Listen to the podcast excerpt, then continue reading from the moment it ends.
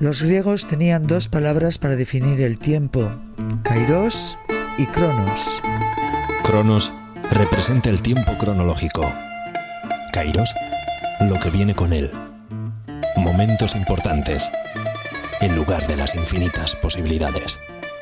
Esto es Kairos y Cronos.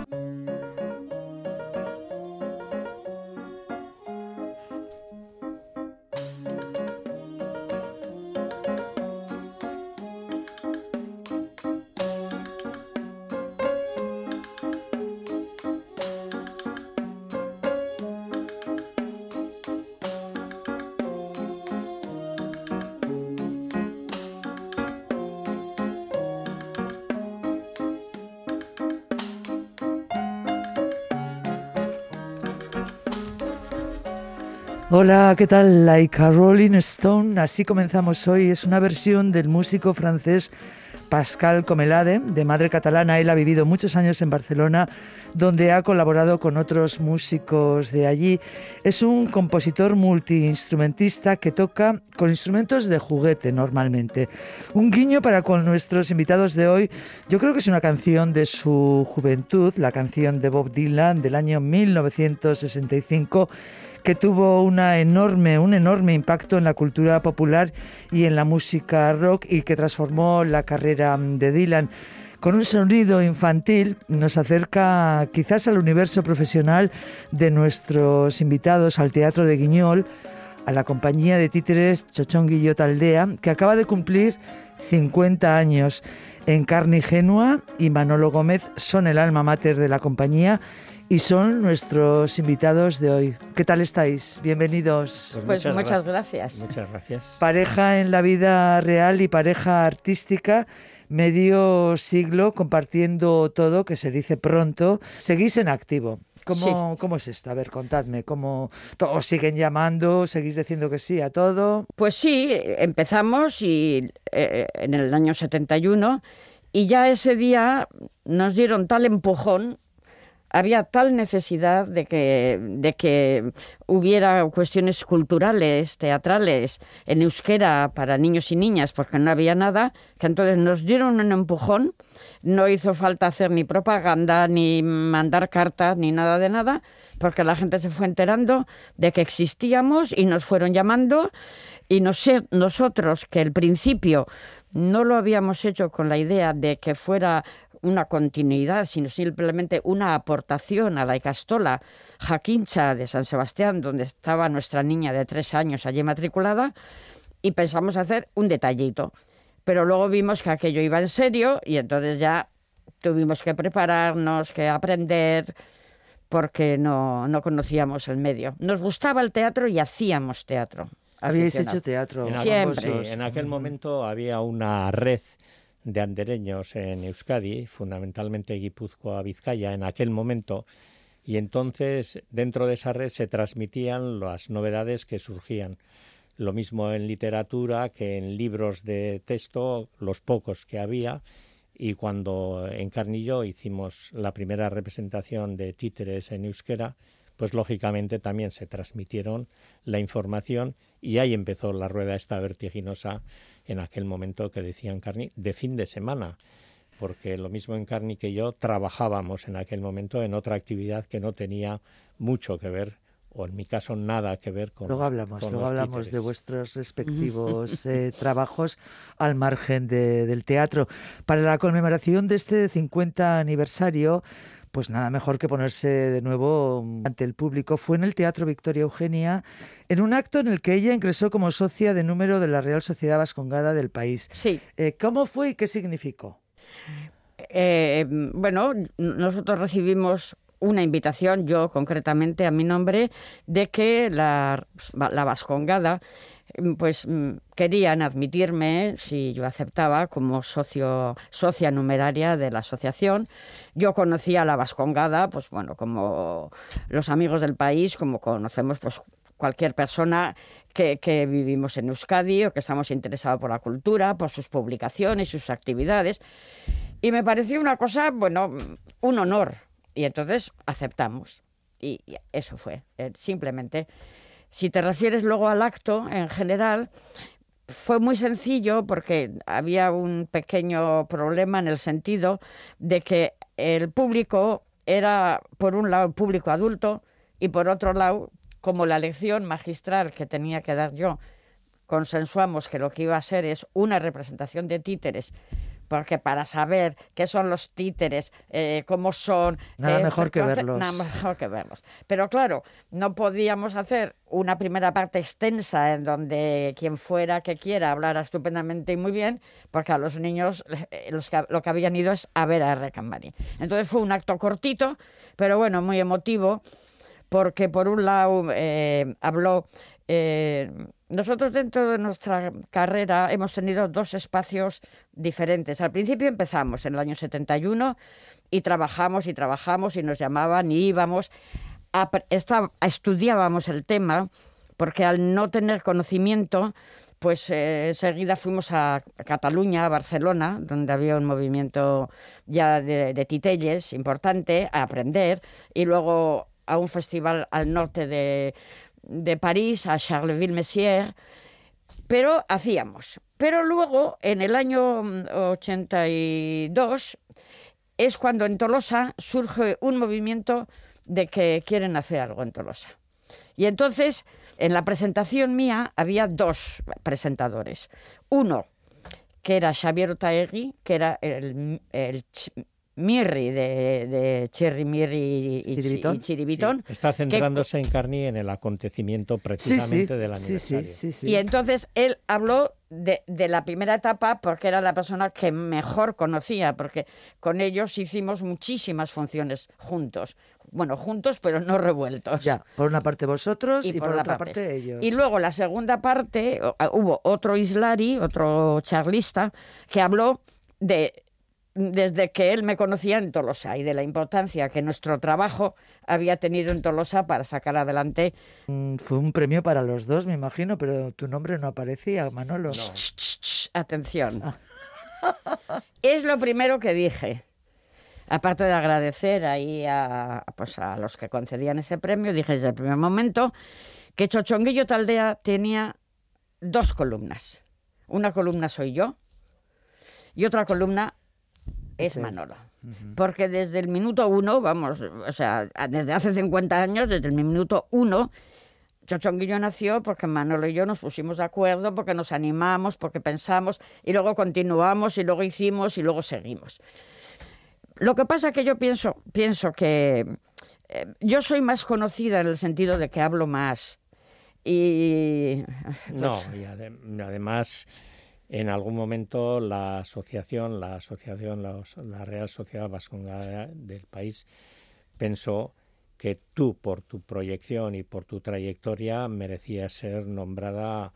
Otra cosa es que Chochonguillo tenga dos columnas, pero el nombramiento, efectivamente, María José ha sido fundamentalmente para Encarni. Ella es la socia numeraria de la Real Sociedad Vascongada del país. Otra cosa, que es lo que está diciendo, es que Chochonguillo no se hubiera, ni posiblemente ya hubiera recibido la medalla si Chochonguillo no hubiera existido, porque gran parte de la creatividad de Encarni la ha desarrollado alrededor del mundo alrededor de, de cualquier manera el nombramiento es el nombramiento Encarni lo, lo, compartió contigo y, ya está porque además es que es, es, es, que es así. 50 años juntos pues son 50 años juntos. Me, quiso regalar la medalla en el escenario o sea que fíjate no, si lo te lo quise compartir. Ah, te dejó verla te dejó verla. y tocarla y tocarla 50 años de trayectoria, ya hemos dado algunos retazos de cómo fue ese comienzo en el año 1971, pero vamos con detalle. ¿Cómo fue realmente? ¿Qué pasó? ¿Vosotros os habíais casado? ¿Teníais hijos? ¿La niña iba a la Icastola? Sí. ¿Y, allí qué pasó? Eh, en primer lugar, pasó que nosotros nos conocimos en un escenario anterior a eso, haciendo teatro haciendo teatro de, de, actores, y en castellano, porque euskera no sabíamos absolutamente nada. Somos los dos nacidos en San Sebastián, pero tenemos padres Manolo cántabros y mi madre castellana de la provincia de Burgos. Entonces, bien, entonces hacíamos teatro. Luego nos casamos y luego pensamos, bueno, pensamos no, a la niña había que escolarizar.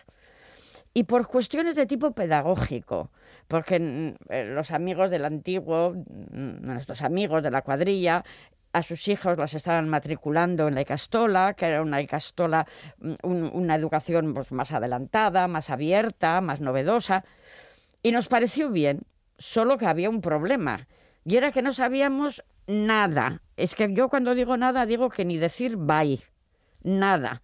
Y dijimos... En pues, euskera. En euskera, claro. Bye. Estamos hablando del, del idioma. Y entonces dijimos, algo habrá que aprender, que si viene la chiquilla de la calle, viene cantando una cosa, yo no sé si habla de castañas o de, o, de gatos.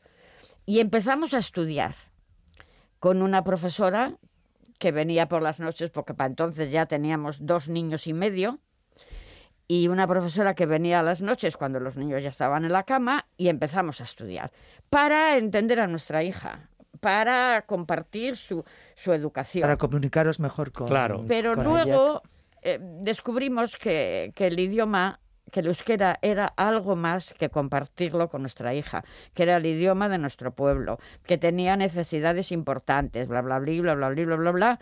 Y entonces, un, bueno, eh, descubrimos. Pero un buen día, la Icastola hacía un hayaldi interno Sí, fin de curso. y dijimos, oye, les vamos a, a ofrecer, a ver si quieren que hagamos un teatrito.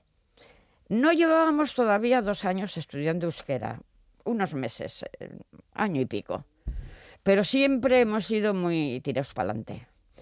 Y los andereños, sí, sí, ¿sabéis hacer? Sí, sí, pues hacer. Y ahí fue todo, porque ahí es cuando se nos vio, las andereños se pasaron la voz y entonces nosotros nos dimos cuenta de que de que esto no era solamente hacer en un hayaldi, sino que nos teníamos que poner las pilas para estudiar más Pero el nunca medio. habíais hecho teatro de títeres, ¿no? No. Vosotros, No. vosotros habíais hecho como Hicimos una vez en el cumpleaños de nuestra hija en castellano. En el cumpleaños de nuestra de dos hija- añitos, cuando cumplió dos añitos, sí. de nuestra hija mayor, de Carni, hicimos una función en casa con unos títeres que habíamos fabricado en nuestra experiencia teatral anterior. ¿eh? Y entonces ahí hicimos una representación en castellano Sí, sí. para Encarni y sus amiguitos y amiguitas del barrio y en una de las habitaciones. Bueno, una salita, en una salita que entrarían Porque 30 es- niños. Es cierto 20. que desde que nos casamos en Carni y yo hasta, hasta ese acontecimiento, digamos que en la vida teatral hubo una pausa. En el teatro que estábamos haciendo en ese momento, Carmelo Moreno, que es muy amigo nuestro, cogió las riendas del grupo de teatro y él siguió haciendo teatro y nosotros, desde que nos casamos hasta que fueron naciendo los hijos, pues no estábamos haciendo teatro. Yo estaba trabajando y en Cani también trabajaba en Bueno, el- del teatro que habla Manolo es del Teatro Estudio San Sebastián. Mucha repercusión y sigue teniendo. La culpa entonces eh, de todo esto la tiene el teatro, el teatro de actores. ¿Dónde empezasteis? ¿En, en vuestros respectivos eh, escuelas, colegios? Como... Bueno, pues eh, yo iba a escuela de monja y a mí hacer teatro es que me ha chiflado. Y había una habitación que se llamaba Las Charadas. Ese- esa habitación ya no existe, ¿no? Pero yo la, la visualizo grande, llena de armarios, con llena de ropas para vestirse, sombreros, zapatos, collares. Bueno, una maravilla. Y luego hacíamos, eh, eh, pues una vez al año, una o dos funciones. Chicas. Claro, claro. No nos vamos aquí a, a- a complicar la vida y a irnos al infierno de repente, chicas. Pero en esas obritas que eran de las galerías salesianos, ¿no, Manolo? Las nuestras sí, las vuestras no sé si habría para chicas en la galería salesiana. Bueno, pues el caso es que hacíamos, que salía un chico, pues nada, una se ponía una gabardina, se pintaba un bigote y ya. Paralelo a eso, Manolo, Eso cuento yo. eso cuentas ¿eh? tú, eso te iba a decir, para doy eso una- Manolo, Te taca. doy una oportunidad. Oye, pero de todas las maneras, eh, en un colegio de, de monjas, Sí. eh, en, en aquellos años, estamos hablando del franquismo, Sí, sí, con sí. una educación, bueno, todo bastante oscuro. eh, ¿Esto del teatro era un oasis o, Bueno, bueno, o vuestra yo es- educación era...? Bueno, pues, eh, acaba Manolo con eso porque lo de mi educación tiene punto y aparte. Pues acaba Manolo. No, empiezo. Empieza. Oye, pues mira, María José, en nuestro caso se- existía en el barrio, en el barrio, debajo de la parroquia, una organización que se llamaba Los Luises del Antiguo.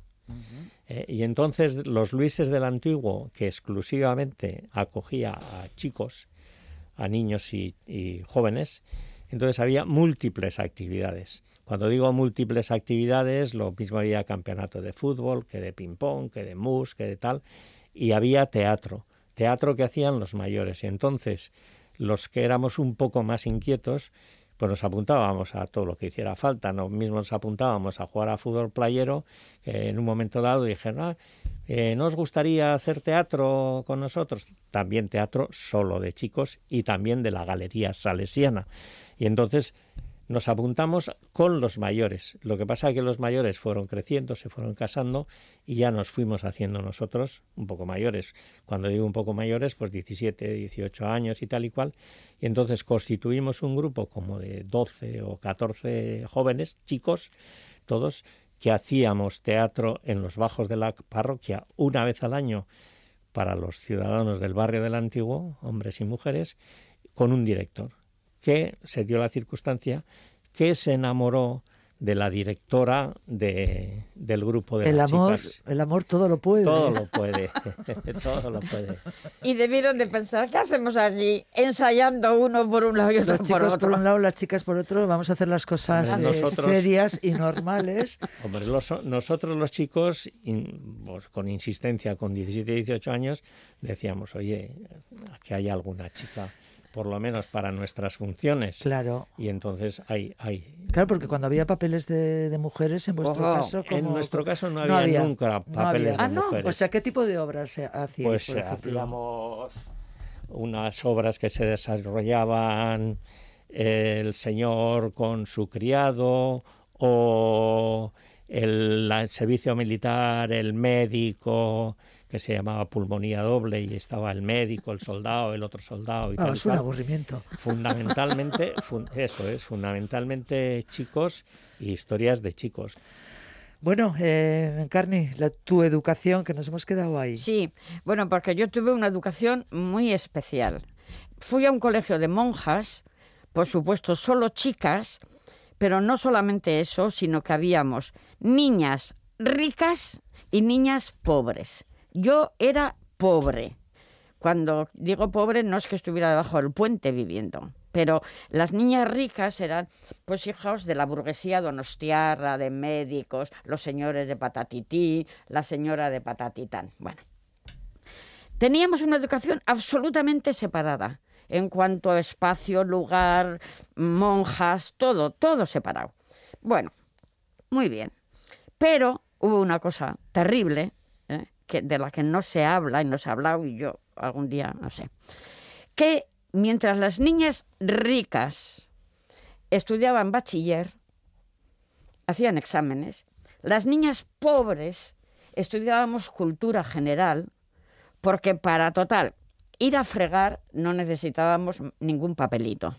Es decir, que toda mi generación, todas mis amigas, todas las clases, ya podía ser lista, tonta o regular, estudiosa o no, salíamos de la escuela sin un papel que nos permitiera seguir más adelante con los estudios. Que acreditara que habíais realizado unos Sí, estudios. pues un primero de bachiller, un segundo de bachiller.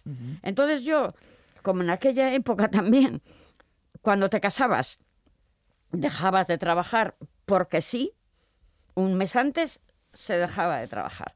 Pues yo me encontré casada a mis 22 años, yo era de las listas, que Dios me había dado esos dones, pues yo decía, bueno, pero en mis sueños así estaba ahí ser maestra y tal, pero claro, allí ya no había nada que hacer. Tenías que y empezar de entonces cero. empecé de cero a estudiar primero de bachiller, segundo de bachiller, tercero de bachiller, cuarto de bachiller, embarazada, a parir, Eh, luego reválida, luego eh, para hacer magisterio aumentaron quinto de bachiller, sexto de bachiller, preo, COU. Y entonces ahí, y yo taca taca y taca taca, estudiar y aprobar y tener los niños y combinar las dos cosas. Y allí, eh, cuando ya hice todo eso, pues me aconsejaron de que hiciera filosofía y letras. Y entonces empecé en UTG, y primero, segundo, tercero, cuarto y quinto de historia.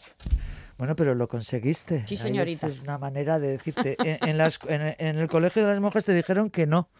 Y tú dijiste, pues sí, y lo hiciste. Sí, pero lo que... Lo que pasa es que conmigo no se acaba el mundo y de mis de toda mi clase, o sea, estas monjas, estas benditas monjas abortaron la posibilidad de acceder a la universidad. a muchísimas. A, muchísimas chicas. Nos relajamos un poquito en Carni y vamos con esa canción que has elegido tú. Sí. Eh, ¿Por qué la has elegido? Cuéntame. porque me calienta Molina el- Cho, habanera. mo- porque me calienta el corazón.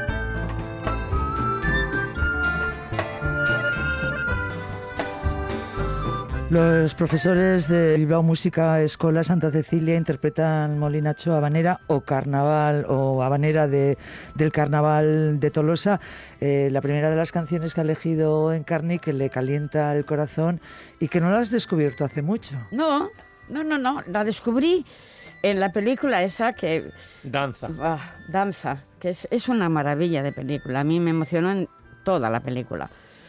Porque me gustan las cosas, me gusta la alegría, me gusta la gente buena, que va y que baila, que va y que se enamora, que no se pega, que no se tira, que no se maltratan. Eh, Me gusta la bondad. Bueno, me imagino que a todo el mundo vaya descubrimiento hago, pero a mí eh, la gente buena me va.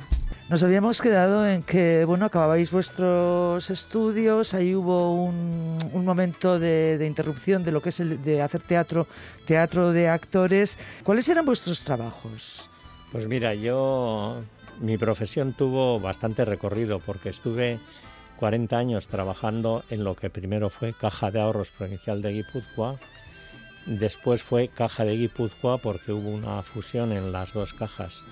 Entonces, como te digo, fue un recorrido de 40 años en una institución y en una institución financiera eh, la variedad de trabajos pues puede ser, iba a decir infinita, no es infinita, pero es una variedad muy grande.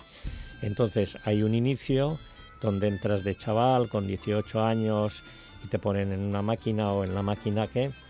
Pero yo siempre he tenido la inquietud en mi trabajo no de hacer cualquier trabajo, sino de hacer aquellos trabajos que me produjeran satisfacción.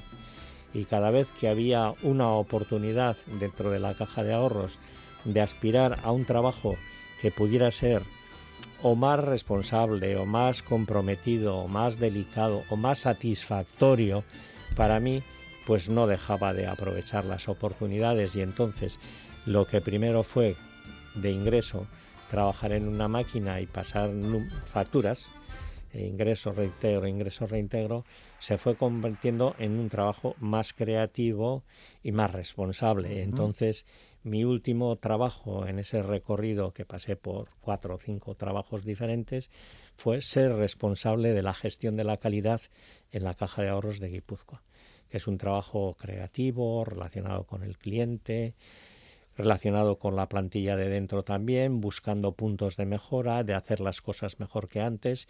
Y entonces, como digamos, parte de la creatividad ya la iba desarrollando con, con el grupo de teatro, porque durante esos 40 años nunca dejé de pertenecer o a Chochonguillo Taldea o a Teatro Estudio San Sebastián, lo cual quiere decir que esa chispita de creatividad estaba despierta en mi cabeza y lo mismo en la caja que en mi afición, todo eran, digamos, satisfacciones personales, ¿eh? por esa idea inicial que te he dicho, María José, de que lo que a mí me gustaba era seleccionar aquellos trabajos que tuvieran un punto de creatividad y un punto de satisfacción. Que te dieran cierta satisfacción. Exactamente. Y entonces, eh, cosa extraña, eh, quizá en algunas personas, eh, me decían, ¿y ¿por qué no dejas la caja y te pasas al teatro? Y dije, no, no, es que en la caja me lo paso muy bien, estoy muy a gusto, tengo compañeros, tengo un trabajo creativo, no voy a abandonar un, una profesión por una afición, afición cuando en los dos campos estoy satisfecho y me parece que humanamente me ayuda a crecer. Pero en algún momento se hace incompatible el trabajo. No, en mi caso en ningún momento, o sea, porque también tenía, digamos, la capacidad yo de que si había que trabajar intensamente en el trabajo, trabajaba intensamente. Hay que dedicarse plenamente, se dedica plenamente. Pero terminada la jornada de trabajo, no me llevaba el trabajo a casa. No sé qué pasaba en mi cabeza, que pam, se cortaba toda aquella preocupación que había nacido en el trabajo y estaba en otro espacio, que al principio fueron fines de semana, sábados y domingos con Chochonguillo y con el grupo de teatro, y entonces pues tenía compartimentos estancos. Por aquí iba la afición, por aquí iba la familia y por aquí iba el trabajo. Salías de, trabajar y tenías la familia y tus aficiones. Eso es, y con la familia le dedicaba su tiempo y con la afición le dedicaba su tiempo. La familia también tenías las aficiones. Sí, sí, sí, sí, sí. También tenía parte de las aficiones, sí. Encarni, ¿tú a qué, cuál era tu trabajo? Bueno, pues yo cuando acabé la escuela, que sac bueno, en la escuela me gané medalla del Santa María Goretti, medalla de Santa Cisio, medalla de la Santa Sofía, hija de María, pero eso no me servía para ir, para estudiar, para seguir adelante. Bien. Entonces eh, aprendí taquigrafía y mecanografía y es donde estuve en dos casas, dos, una Celestino de la Cruz, que eran unos armadores, y luego en la fábrica de Suchas, como oficinista. Que ese, ese trabajo lo dejé para casarme, simplemente. Es que además es una cosa que yo, pensando ahora, ni siquiera comentamos, oye, pues, pues puedo seguir trabajando o no. Era, no sé, cómo te levantas a la mañana, te limpias los dientes, pero no te, no te lo planteas. No, es que no se concebía eso otra, otra situación. Bueno, y es entonces cuando al dejar el trabajo que hacía, entonces ya me sentía yo a gusto. Eran unos trabajos absolutamente rutinarios. Pero yo, no sé, yo estaba bien. Pero entonces me quedo ocupándome de quitar el polvo de la casa y, de hacer la comida. Y al día siguiente lo mismo. Y entonces ahí cuando noté el vacío de que por qué yo no podía hacer estudiar maestra. Y cuando me enteré, pero todos los estudios de, de, bachiller los hice sola en casa. Sola, porque ya empezaron a venir los niños a la, universidad, claro, a UTG fui, lo hice en vivo y en directo aquí, en la, no sé por dónde pilla, en la Santa Universidad de UTG. Pero bachiller yo iba y entonces yo salía con mi carrito con los niños y me llevaba los apuntes y luego a las nueve de la noche, que los niños iban a dormir, yo hice todo el bachiller después de las nueve de la noche. En, en matemáticas, cuando llegué a cuarto y a quinto, pues eh, creo que algún chaval, un joven, un estudiante, pues me venía alguna vez a explicarme, porque claro, pues estudiar historia o geografía, lo que fuera a memorizar, y luego pues Claro, fueron cinco años largos de carrera. Yo no perdí ni un año. Yo no, porque al principio dijo, va, dije, va, voy y empiezo. Y bueno, y si tardo cinco años, como si tardo siete. Pero me, me encontré con un grupo de compañeros que me, prohibieron Pensar eso. Me prohibieron pensar eso, porque yo decía, yo este año me voy a presentar dos. ¿Cómo que te vas a presentar dos? ¿De qué? No, porque si tampoco, porque claro, yo dejaba a los niños en Castola, cogía el coche y me iba a UTG. Igual ya me había perdido una, una clase. Una clase. Pero para eso estaban mis compañeros que me cogían apuntes con papel de calco de carbón y, ala, esta es la clase. Y luego al, mediodía, pues igual también, porque los niños venían a comer a casa, no existían comedores. Yo tenía que llegar a casa para cuando llegaran los niños. Pero me, me apañé fue un grupo muy majo el fue un grupo, Fue un grupo muy majo. Extraordinario. Que le ayudaron, eran media docena. Y sí, no me dejaron. No le dejaron. Y os hicisteis súper amigos, claro. Sí, súper amigos. además... Cada final de cuatrimestre, cada final de cuatrimestre, Encarni sufría un poco porque los cuatrimestres eran los exámenes y solía decir, ¿para qué me haber metido yo aquí, en esta aventura y tal y cual? Pero tuvo esa suerte, Marijose, esa suerte que te acabo de decir, que aparte de tener capacidad para aprender lo que estaba estudiando, tenía este grupo de amigos que le animaban, le ayudaban, le pasaban los apuntes.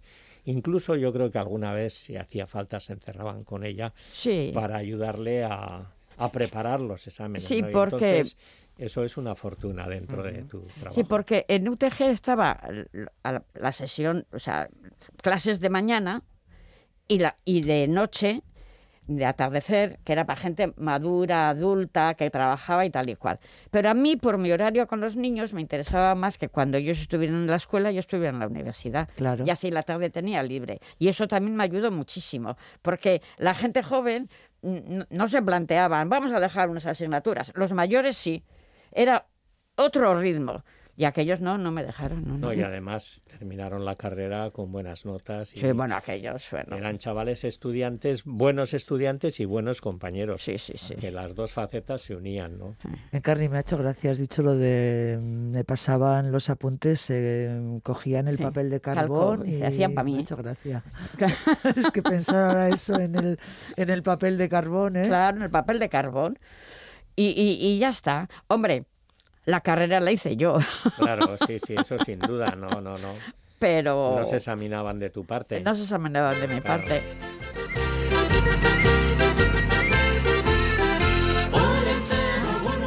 Es que parece que, que nos íbamos a San Fermín, pero es que efectivamente es un poco esa melodía de, de, de, esta canción que ha elegido Manolo.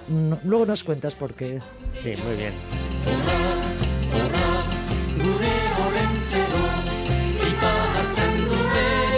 eserita dago Kapoitzu bat badauzki arrautzatxuaki Bihar beren datzeko boti arduaki Boti arduaki Hemen eldu bierarte berri don batekin Gure embajadore olen zerorekin Horra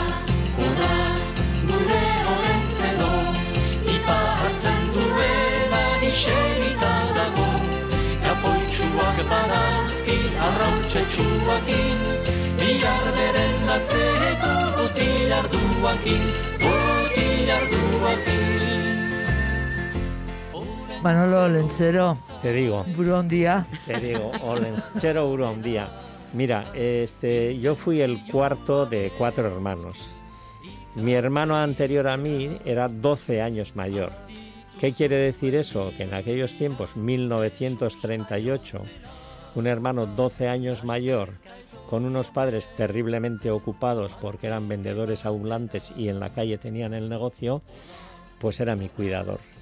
Entonces mi hermano me llevaba de paseo, me cuidaba, me subía y me bajaba a la sillita pero mi hermano tenía su grupo de amigos también en el barrio Y entonces, una de las cosas que me refrescó cuando nos hiciste la petición era Olenchero Bura Hundilla. ¿Por qué?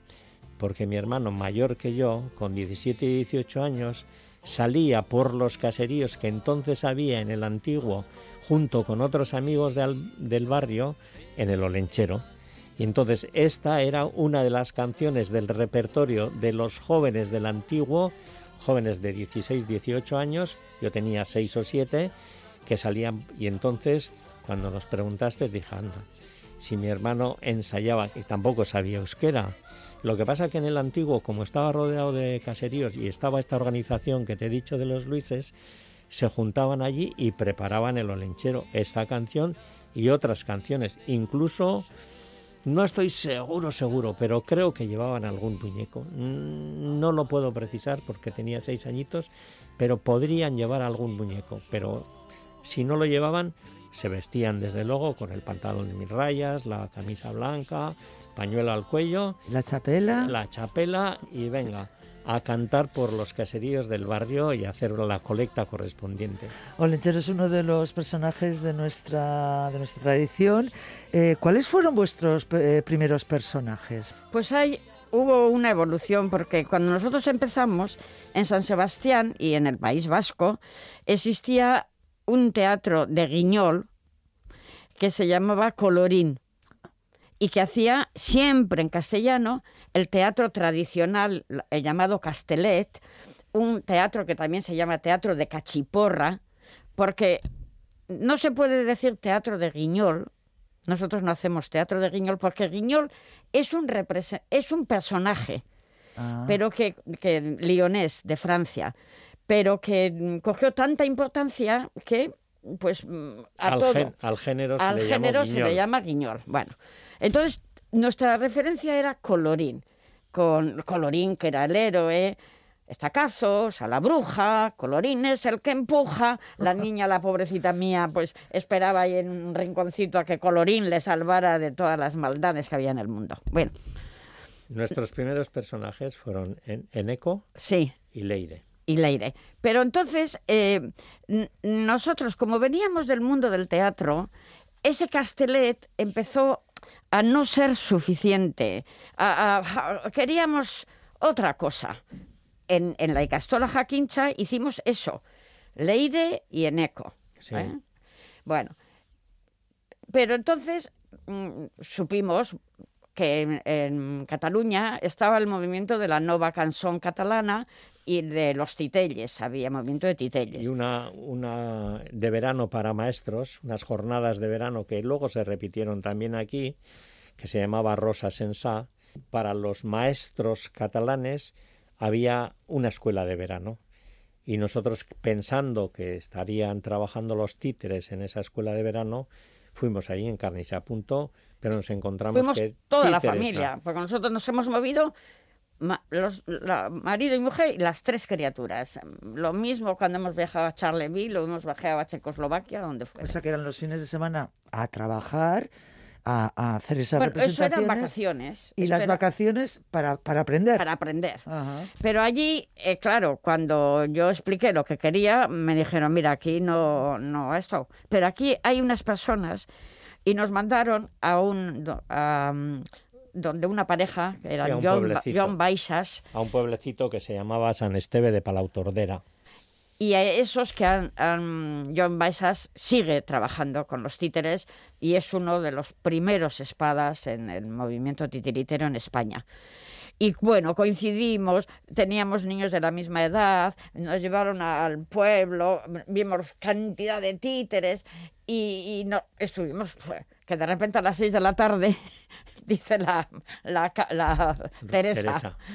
Oye, pues habría que comer. Yo decía, pues bueno, yo no sé, las tres criaturas me miraban como diciendo, mamá, ¿qué fundamento es este? Tres que eran cinco, porque ellas, ellos tenían Ellos dos. tenían, sí. Bueno, en definitiva, nos hablaron de Charleville, que eso fue... eh, y A partir de eso no dejamos de ir a Cataluña. Todos los años, todos los años íbamos al festival, porque viendo aprendimos mucho. Ves Claro. tú y aprendes.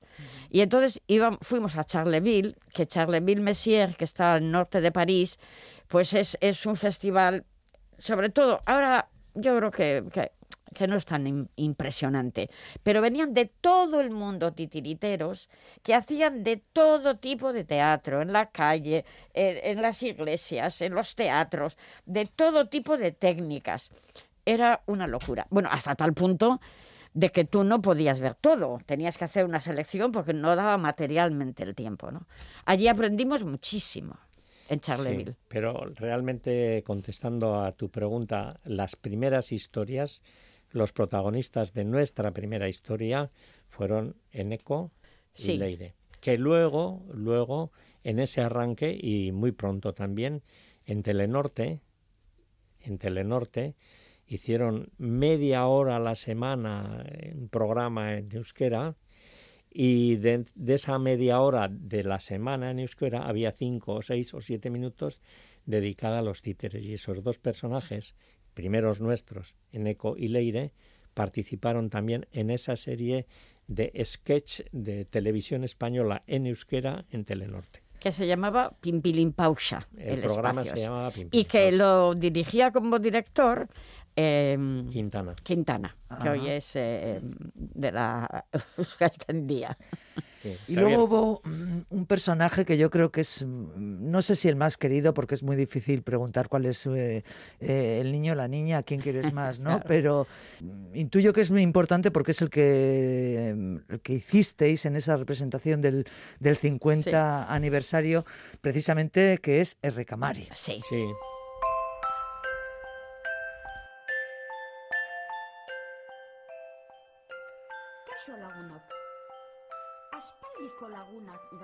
ezkero, zuek asko maite dituzuen ipuinak kontatuko dizkizuegu.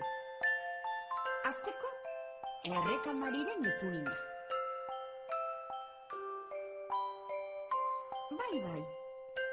Orain dela urte asko eta asko, Euskal Herrian, laminak bizi omen ziren. Erreketan bizi omen ziren. Eta gauero, bere hileak orrazten zituzten bitartean, kanta egiten omen zuten. Oso politak omen ziren, baina ez zuek bezalakoak. Oinak ere, ez zituzten gureak bezalakoak. Herriko jendeak horrela esaten zuten. Ez dira gure modukoak. Encarni, eh, R. Camari es eh, la última lamia, ¿no? Que Sí, vive la, la- entre- la entre última que nos queda. Por eso hay que esforzarse en, en- en que no nos desaparezca de nuestros ríos, porque si desaparece Recamari quiere decir que, que no cuidamos el entorno, porque las lamiñas no pueden vivir entre la mierda ni entre la porquería, y que, y que no nos respetamos, que, que despreciamos al diferente. Con lo cual, pues hay que hacer lo posible para solucionar este tema de la forma que sea. Pero fíjate tú qué mensajes, que dos mensajes que hoy en día, o sea, Pues siguen, desgraciadamente nos ha pasado de moda. igual. Mm. Eh, Este cuento en muchas escuelas se utiliza dentro de la unidad didáctica que, hable de- que habla del cuidado del entorno. Los niños conocen a Recamari. Porque los niños lo viven, lo sienten y después de... mm, destripo el argumento que todo el mundo lo sabe, pero después de que mm, las vecinas mm, la quieren despachar y, entienden que lo mejor es mancharle el río y a la noche van y tiran al río, un río precioso, precioso, rin, ran, rin, ran, y el recamari se tiene que escapar y amanece. Y los niños ven ese río tan precioso, todo manchado, todo lleno de porquería, eso a los niños no se les olvida. ¿eh? Es que no se les olvida, no se les olvida, no se les olvida. El Recamarí lo habéis llevado eh, por eh, lugares donde habéis estado, lo habéis representado eh, Sí, no solo entre sitios. nosotros, sino Sí. porque Sí. habéis hecho muchos viajes también a Sudamérica, a Latinoamérica, Sí. a Checoslovaquia. Sí. Sí. Pero además de Recamari tenemos, hemos hecho tres versiones. Una, la que el otro día se vio en el Vittorio Eugenia, que va acompañada con las chalapartaris Lara Michelena y Ciar Jauregui, que acompañan el cuento, unen, le dan el misterio de, de lo rural, muy bonito. Es que llevamos unos cuantos con ellas y ya el cuento es suyo también. Sí, sí, es sí. decir, que Eh, Pero la emoción que transmiten Lara y Ciar sí, nos- se traspasa, ah, se tras- traspasa. Bueno, nos llega a nosotros intensamente porque la chalaparta subrayando determinados pasajes de la historia llega a nuestro corazón. Lo seguro. mucho más grande, Sí, además, lo hace Mucho más. sí. Pero claro, esa obra no la podemos llevar a cualquier escuela, a cualquier casa de cultura pequeñita, a cualquier lugar donde hemos actuado. Y entonces hace ya 30 años que hicimos la misma Recamari, pero en versión pequeña. Ah. Que yo, por ejemplo, no sé, pues si me empeño un poco, te la puedo hacer aquí.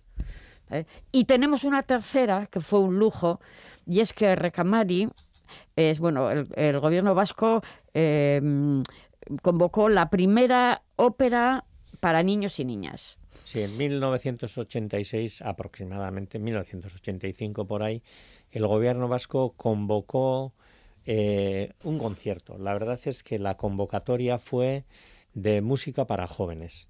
Y entonces el primer premio en aquel certamen eh, lo ganó R. Camari con música de Cordero Castaño y el guion de Encarni. R. Camari. Y entonces se convirtió en, En una ópera. en una ópera, pero en una ópera con todos los eh, eh, elementos de una ópera. Quiero decir que estaba una orquesta completa, que era la orquesta de, de Euskadi, había un coro de jóvenes que era de San Ignacio, había un coro de niños que también era de San Ignacio, había un, bueno, un ballet de la Escuela de Danza de San Sebastián.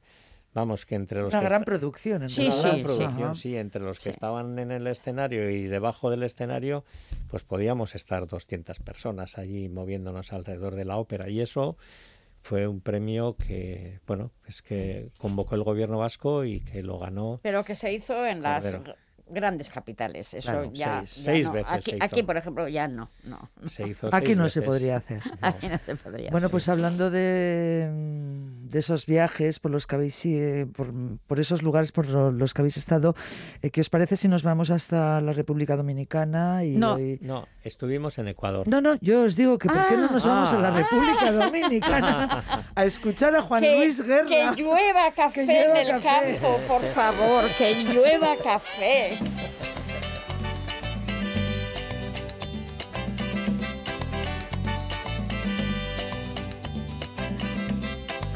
Ojalá que llueva café en el campo, que caiga un aguacero de yuca y té, del cielo una harina de queso blanco y al sur una montaña de berro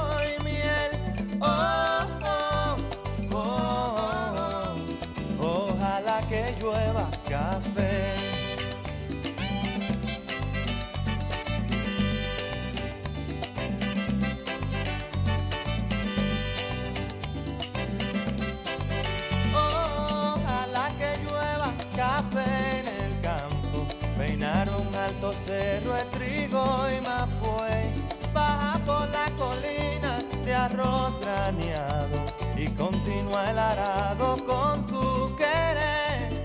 Oh, oh, oh, oh. Ojalá el otoño en vez de hojas secas vista mi cosecha y sale. Sembra una llanura de batata y fresas. Ojalá que llueva café. Pa' que en el no se sufra tanto. ay, hombre. Ojalá que llueva café en el campo. Pa' que en Villa Vázquez oigan este canto. Ojalá que llueva café en el campo. Ojalá que llueva, ojalá que llueva, ay, hombre. Ojalá que llueva café en el campo. Ojalá que llueva café.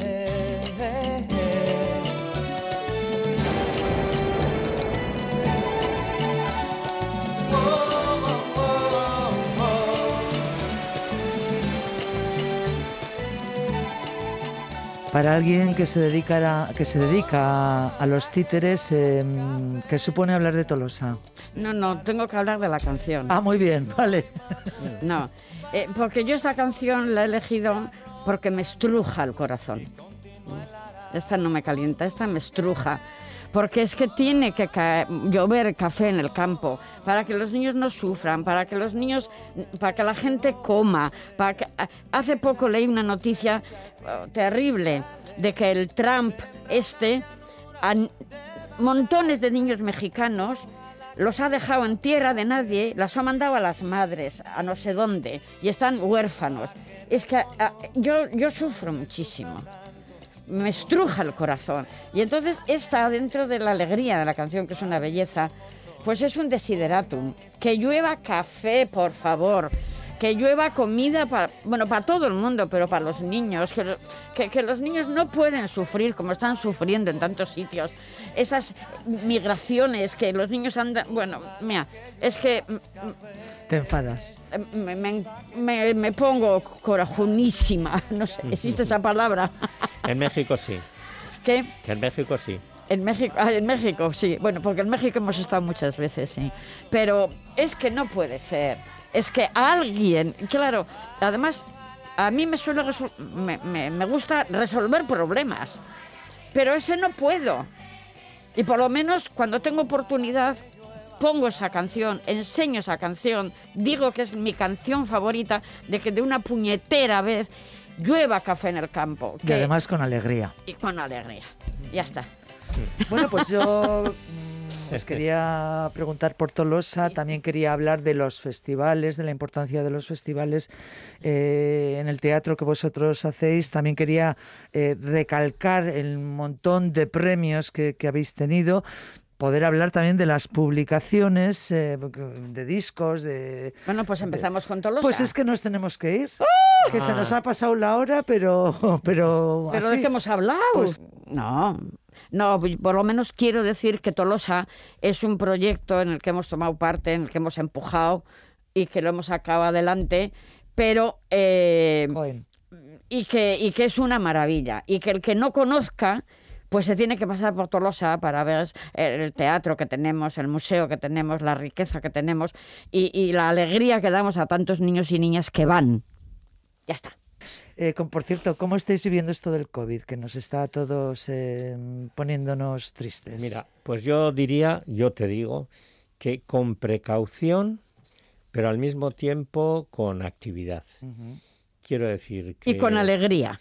Quiero decir que así seguimos asistiendo al cine de vez en cuando, a los conciertos, paseamos, nos relacionamos con nuestros amigos con los nuevos sistemas que hay de relación y con cierta eh, confianza y optimismo, digamos, bueno, esto pasará, nosotros vamos a seguir haciendo cosas, nos duele que va- tanta gente haya desaparecido, Y sufra. y, y sufra las consecuencias del COVID, pero digamos co- con las dos, con los dos eh, pesos en la balanza, ¿no? Con una parte siendo activos, haciendo cosas y por otra parte, pues con un dolorcillo en el corazón. Se hacen ya señas. eh, ellos dos están acostumbrados a las entrevistas y ya saben que cuando decimos que nos tenemos que ir, nos tenemos eh, que ir. Sí, muchas Eh, gracias, María José. Nos despedimos, las gracias a vosotros, por supuesto. Nos despedimos con, con la segunda canción que has elegido tú, Manolo. Sí. La canción de, de Leonard Cohen, Cohen, que sí. es preciosa,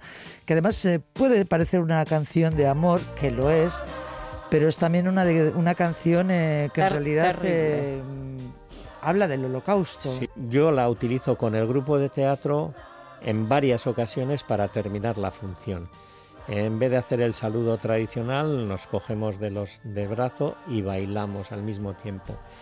Desde 2008, que es cuando la incorporamos, pero ah, con el contenido también, digamos que es esa mezcla que comentaba Encarni antes de que llueva café, digamos de belleza por la música y de dolor por, por el acontecimiento. De la, ¿no? de la historia tan terrible, ¿no? Terrible, en, que en los crematorios, dentro, ¿no? mientras estaban quemando a, a personas, Personas. a, a un- a grupos, eh, a gente que sabía tocar instrumentos, les obligaban a tocar música clásica.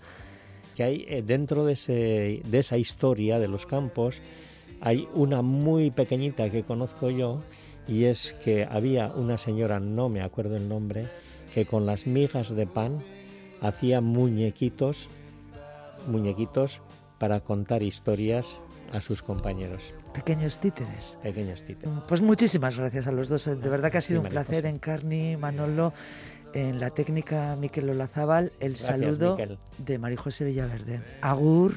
Agur.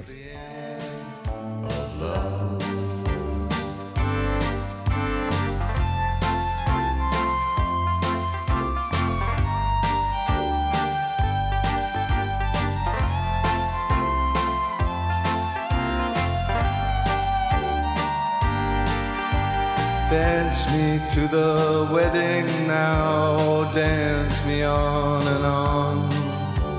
Dance me very tenderly and dance me very long. We're both of us beneath our love, we're both of us above. Dance me to the end of love. Dance me to the end of love. Dance me to the children who are asking to be born. Dance me through the curtains that our kisses have outworn. Raise a tent of shelter now, though every thread is torn. Dance me to the end